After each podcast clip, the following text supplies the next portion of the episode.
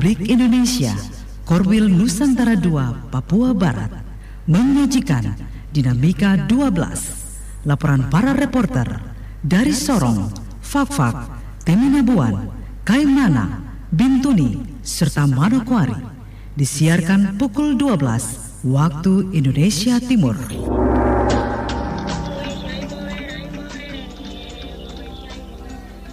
Saudara, dari Jalan Kapten P Tendan 72, Radio Republik Indonesia Fak-Fak menyampaikan Dinamika 12 Papua Barat. Inilah selengkapnya Dinamika 12 bersama saya Hatijah Baco.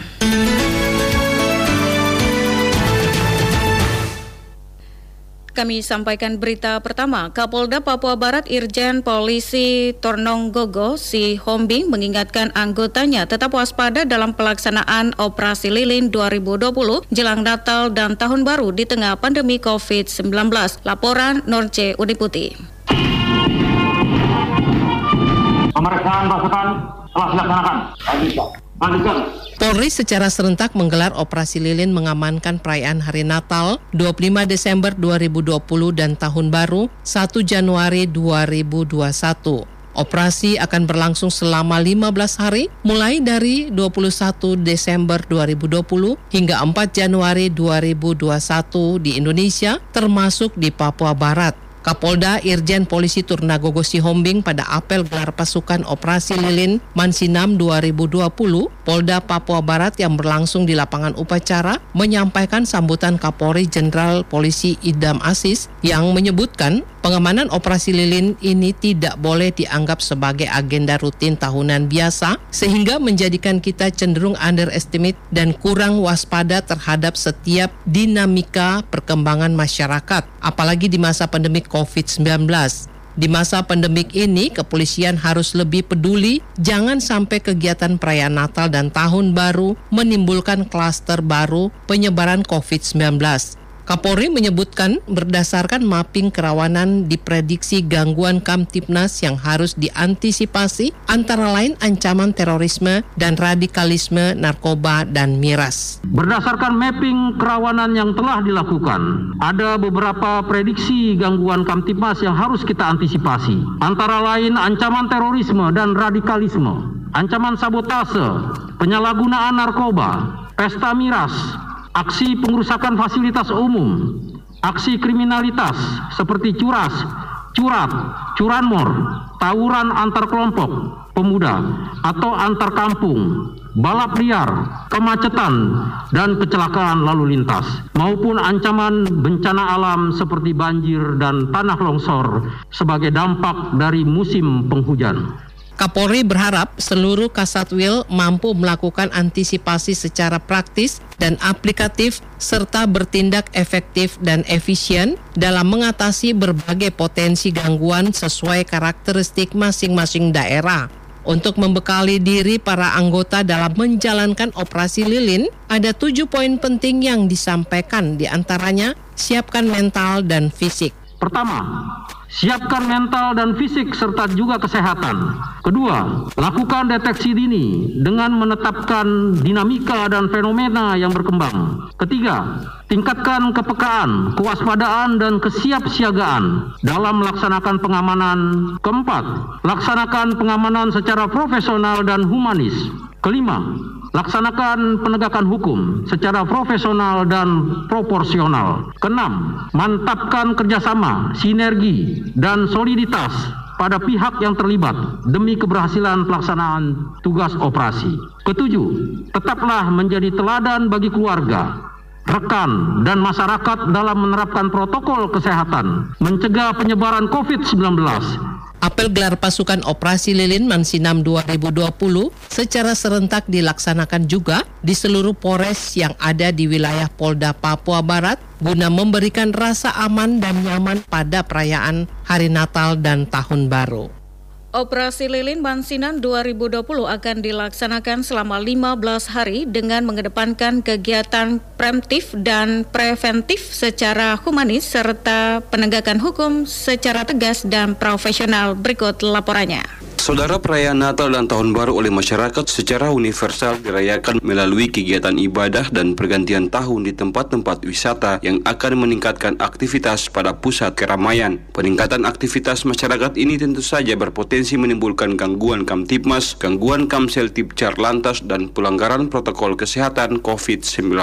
Demikian disampaikan Kepala Kepolisian Negara Republik Indonesia Kapolri Jenderal Polisi Idam Asis dalam amanat tertulis dibacakan Kapolres Fakfak AKBP Ongki Isgunawan pada apel gelar pasukan operasi Lilin Mansinam di Mapolres Fakfak kemarin. Kapolri dalam amanatnya menyampaikan Polri menyelenggarakan operasi Lilin 2020 akan dilaksanakan selama 15 hari mulai 21 Desember 2020 hingga 5 Januari 2021 dengan mengedepankan kegiatan preemptif dan preventif secara humanis serta penegakan hukum secara tegas dan profesional. Hal-hal yang harus diperhatikan, kita lebih mengedepankan himbauan persuasif dan humanis masyarakat. Mengingat di masa pandemi COVID ini, ya masih banyak rekan-rekan kita, saudara-saudara kita yang nantinya akan melaksanakan kegiatan ibadah. Kita himbau nanti baik di gereja-gereja untuk menerapkan protokol kesehatan. Tetap menggunakan masker itu nomor satu. Kemudian sediakan juga tempat-tempat cuci tangan di tempat-tempat ibadah. Kemudian juga pada saat melaksanakan ibadah juga harus menjaga jarak. Itu nanti akan kita sampaikan imbauan tersebut kepada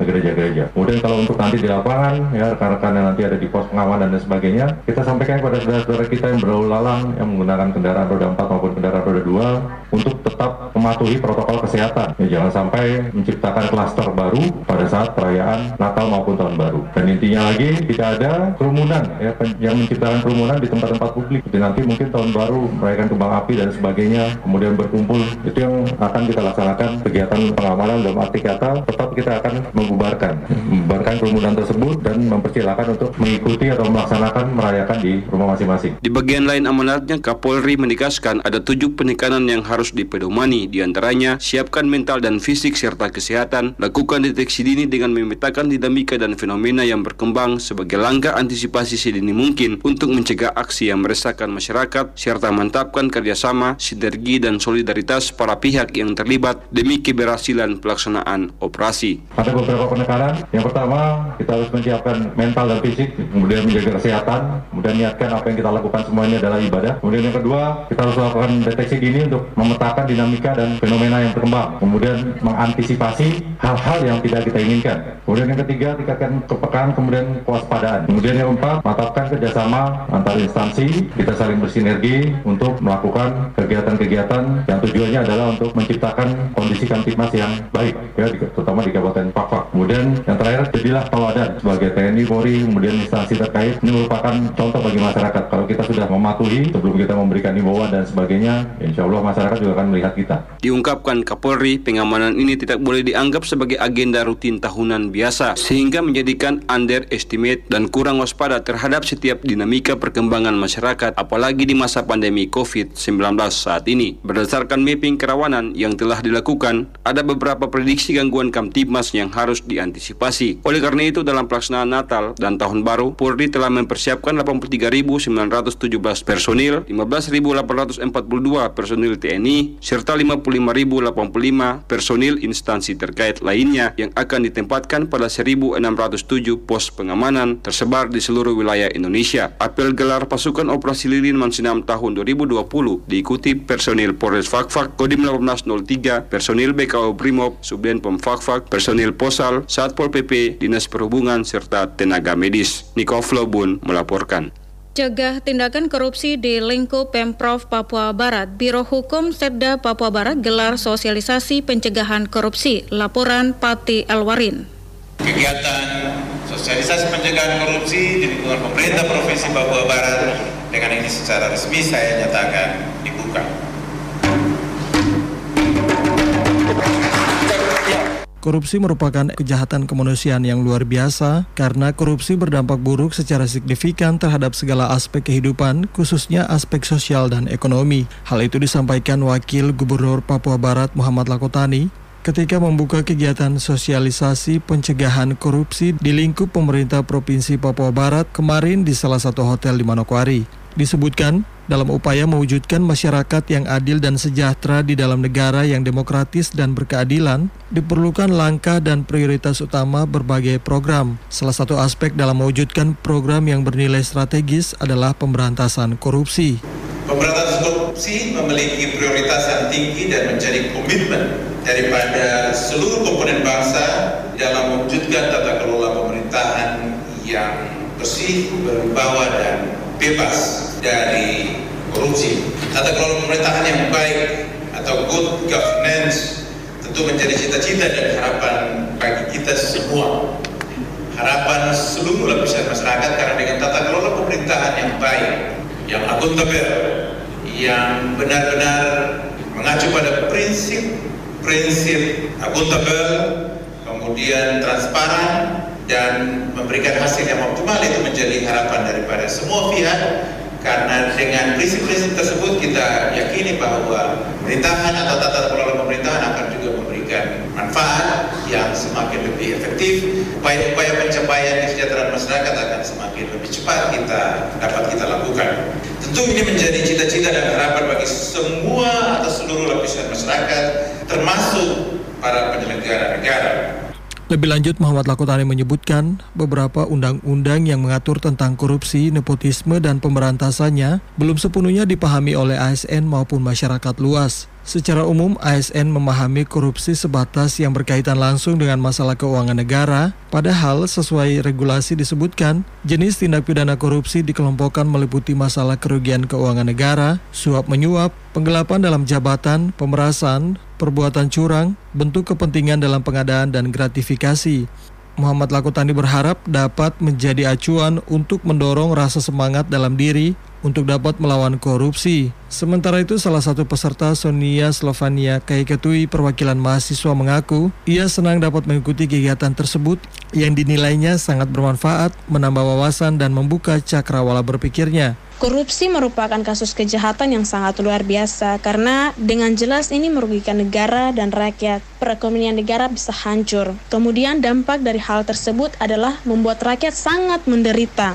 Nah, dalam upaya ini, pencegahan pemberantasan korupsi harus ada kontrol yang kuat, baik dari kalangan masyarakat, ASN, kemudian mahasiswa, dan juga organisasi-organisasi massa, agar upaya pemberantasan korupsi dapat dijalankan secara efektif dan juga efisien. Kemudian, harapan saya ke depan bahwa pihak yang berwenang seperti KPK, aparat penegak hukum ke depan lebih tegas dan kontrol yang kuat terhadap lembaga-lembaga ASN ini. Karena dengan hal seperti ini kita bisa maju. Terlebih negara tercinta kita Indonesia bebas dari korupsi. Karena semua itu milik rakyat untuk rakyat oleh rakyat. Akhir kata, bangun pagi wajah kita harus berseri-seri dan mulai dengan mandi harus bersih. Bangun negeri tanpa korupsi mulai dari diri sendiri. Sosialisasi sehari itu menghadirkan narasumber Wakajati Papua Barat memaparkan tugas pokok dan fungsi Kejaksaan Tinggi dalam pencegahan tindak pidana korupsi dan perwakilan Polda Papua Barat Subdit Tipikor di Treskrimsus Polda Papua Barat. Saudara, sebagai bentuk toleransi antar umat beragama di daerah ini, maka anggota Banser dan Ansor serta PMMI Kabupaten Fakfak akan ikut mengamankan jalannya perayaan Natal 25 Desember mendatang. Hal tersebut disampaikan Ketua Nahdlatul Ulama Kabupaten Fakfak saat menggelar apel di Tugu 1 Tungku Tiga Batu. Selengkapnya berikut pernyataan Ketua NU Kabupaten Fakfak Ali Hindom. Bismillahirrahmanirrahim. Assalamualaikum warahmatullahi taala wabarakatuh. Salam sejahtera untuk semua. Dia bino deni naga ki herendik on ke alihindo SPD. Ketua Nahdlatul Ulama cabang Fakfak. Jadi saya bersama Ketua Ansor Banser, Ketua PMI dan juga beberapa anggota Ansor Banser dan juga PMI mengadakan suatu apel dalam rangka kita akan melaksanakan juga pengamanan malam Natal. Setiap tahun ini menjadi satu budaya budaya NU di Fakfak agar rutin bahwa NU dengan sikap moderatnya. Merasa kita punya basudara basudari Kristen Protestan dan Katolik akan melaksanakan perayaan Natal yang dimulai dengan kebaktian Natal pada malam Natal dan nanti pagi 25 Desember itu. Maka saya mengumpul Ansur Banser PB untuk marilah kita menjaga keamanan tetap aman dan kondusif penuh dengan kebersamaan kebahagiaan penuh dengan rasa toleransi, satu tunggu tiga batu. Ide-ide maninina sejak orang tua kita leluhur, moyang-moyang, titi-titi orang sampai sekarang. Sehingga saya menghimbaukan kepada seluruh umat Islam, khususnya warga Nahrin, kebiasaan kita memberikan ucapan selamat Natal bagi saudara kita Kristen dan Katolik, tapi juga kalau kita punya budaya saling mengunjung pada hari 25 Desember datang mengucapkan selamat Natal kepada saudara kita ya Kristen dan Katolik. Dan nanti 1 Januari 2021 kita semua punya hari tahun baru 2021.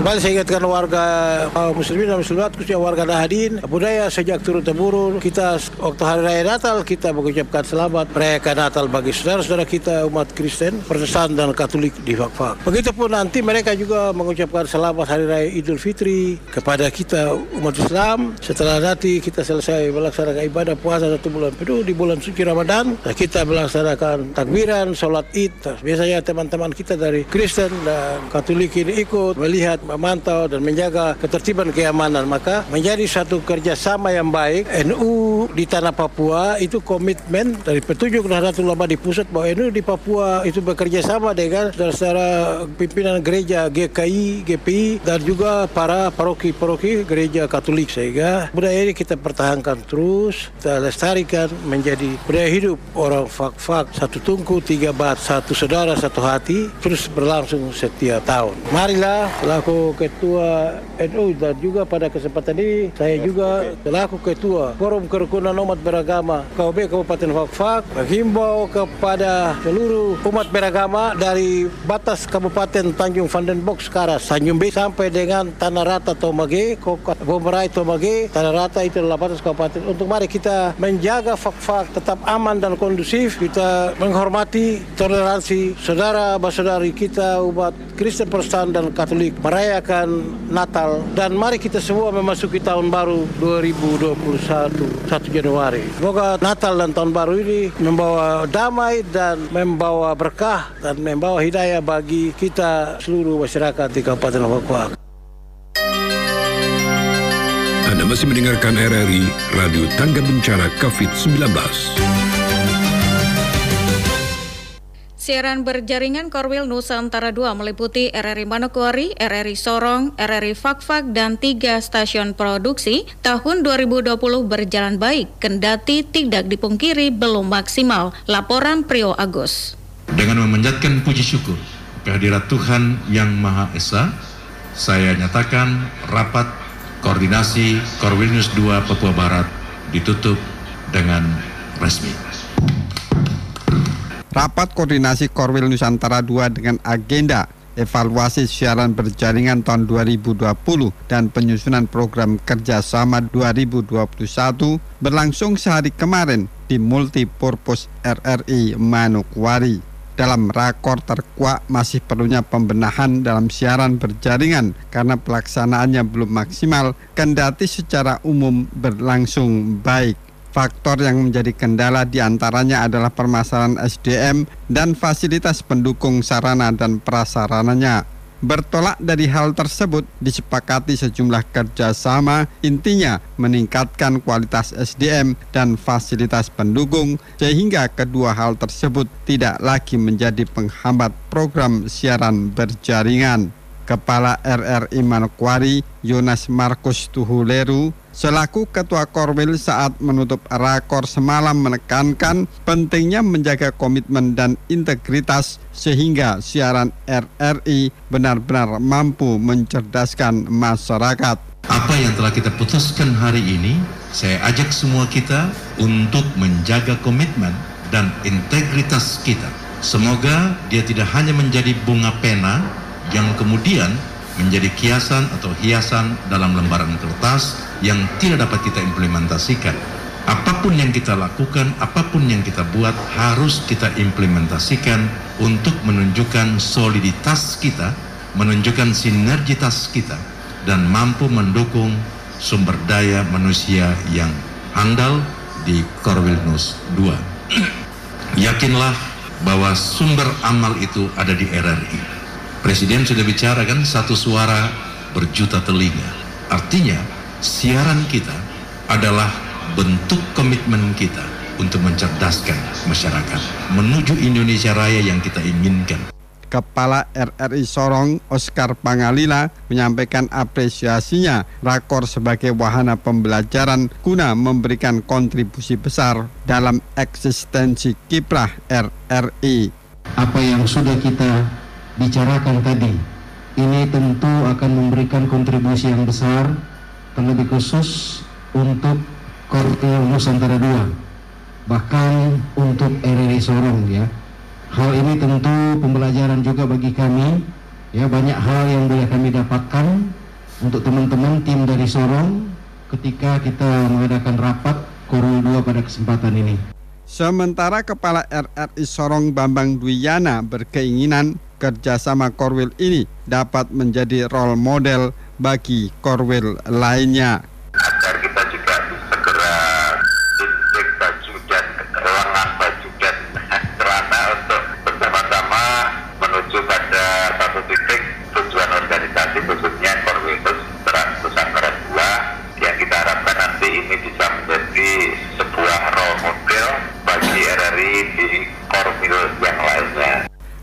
Dilakukan secara tatap muka antara RRI Manokwari dan RRI Sorong dengan menerapkan protokol kesehatan. Sedangkan RRI Fakfak mengikuti secara virtual. Tim penguji dari wilayah Kopertis dan dosen Stai Al-Hmadi Fakfak selama dua hari telah memberikan ujian komprehensif dan ujian munagasa kepada 65 mahasiswa dan mahasiswi Sekolah Tinggi Agama Islam Stai Al-Mahdi Fakfak. Sebanyak 65 mahasiswa dan mahasiswi Sekolah Tinggi Agama Islam Style Madi Fakfak selama dua hari kemarin mengikuti ujian komprehensif dan ujian menakasa yang bertempat di Aula Kampus Style Madi Fakfak. Ketua Style Madi Fakfak Supriyono Wihel menjelaskan pelaksanaan ujian komprehensif dan ujian munakasa wajib diikuti oleh seluruh mahasiswa mahasiswi peserta wisuda yang terdiri dari 22 peserta dari program studi pendidikan agama Islam, 22 dari prodi pendidikan guru madrasah ibtidaiyah dan 21 peserta dari program studi hukum pidana Islam. Pelaksanaan ujian komprehensif dan munakasa itu wajib diikuti oleh seluruh mahasiswa peserta wisuda. Nah ini akan berlangsung kurang lebih selama dua hari sejak kemarin tanggal 20 itu sudah berlangsung kegiatan ujian komprehensif yang diikuti oleh kurang lebih 65 orang dan sementara berlangsung pelaksanaan ujian munakasa yang juga diikuti oleh 65 orang. Nah 65 orang ini terdiri dari dua dari program studi pendidikan agama Islam, 22 dari program studi pendidikan uh, guru madrasah ibtidaiyah dan 21 orang dari program studi hukum pidana Islam. Dan insya Allah ini akan berlangsung sampai dengan sore yang tentunya nanti setelah tim penguji menyampaikan hasil ujiannya dan kemudian dirapat dengan tim penguji ujian munakasa dalam sidang mengambil keputusan. Kalau dinyatakan lulus maka tentu langsung dilakukan yudisiu di tempat. Menurut Supriyono Wihel, tim penguji pada pelaksanaan ujian komprehensif dan ujian munakasa merupakan tim penguji yang memiliki kualifikasi baik dari sisi kepangkatan akademik maupun dari sisi status dosen.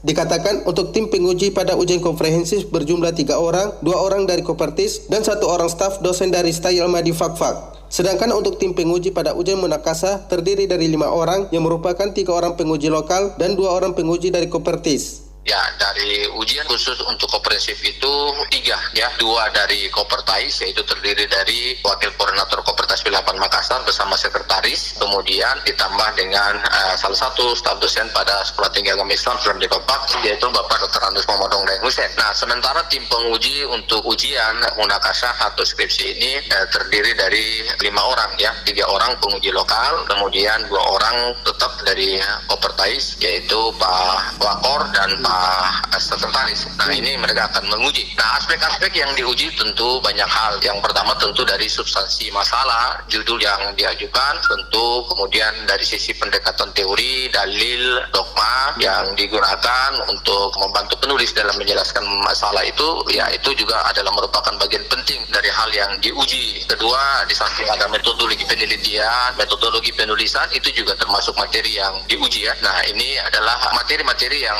akan akan diuji kepada peserta ujian ujian skripsi atau munakasah. Sementara mahasiswa dan mahasiswi peserta ujian komprehensif dan ujian menakasa yang dinyatakan lulus, serta telah mengikuti pelaksanaan yudisium dan menyandang gelar kesarjanaan ke 65 mahasiswa dan mahasiswi Sekolah Tinggi Agama Islam Stalima di Fakfak besok bertempat di Hotel Grand Papua akan diresmikan gelar kesarjanaannya pada acara prosesi wisuda. Januardi melaporkan.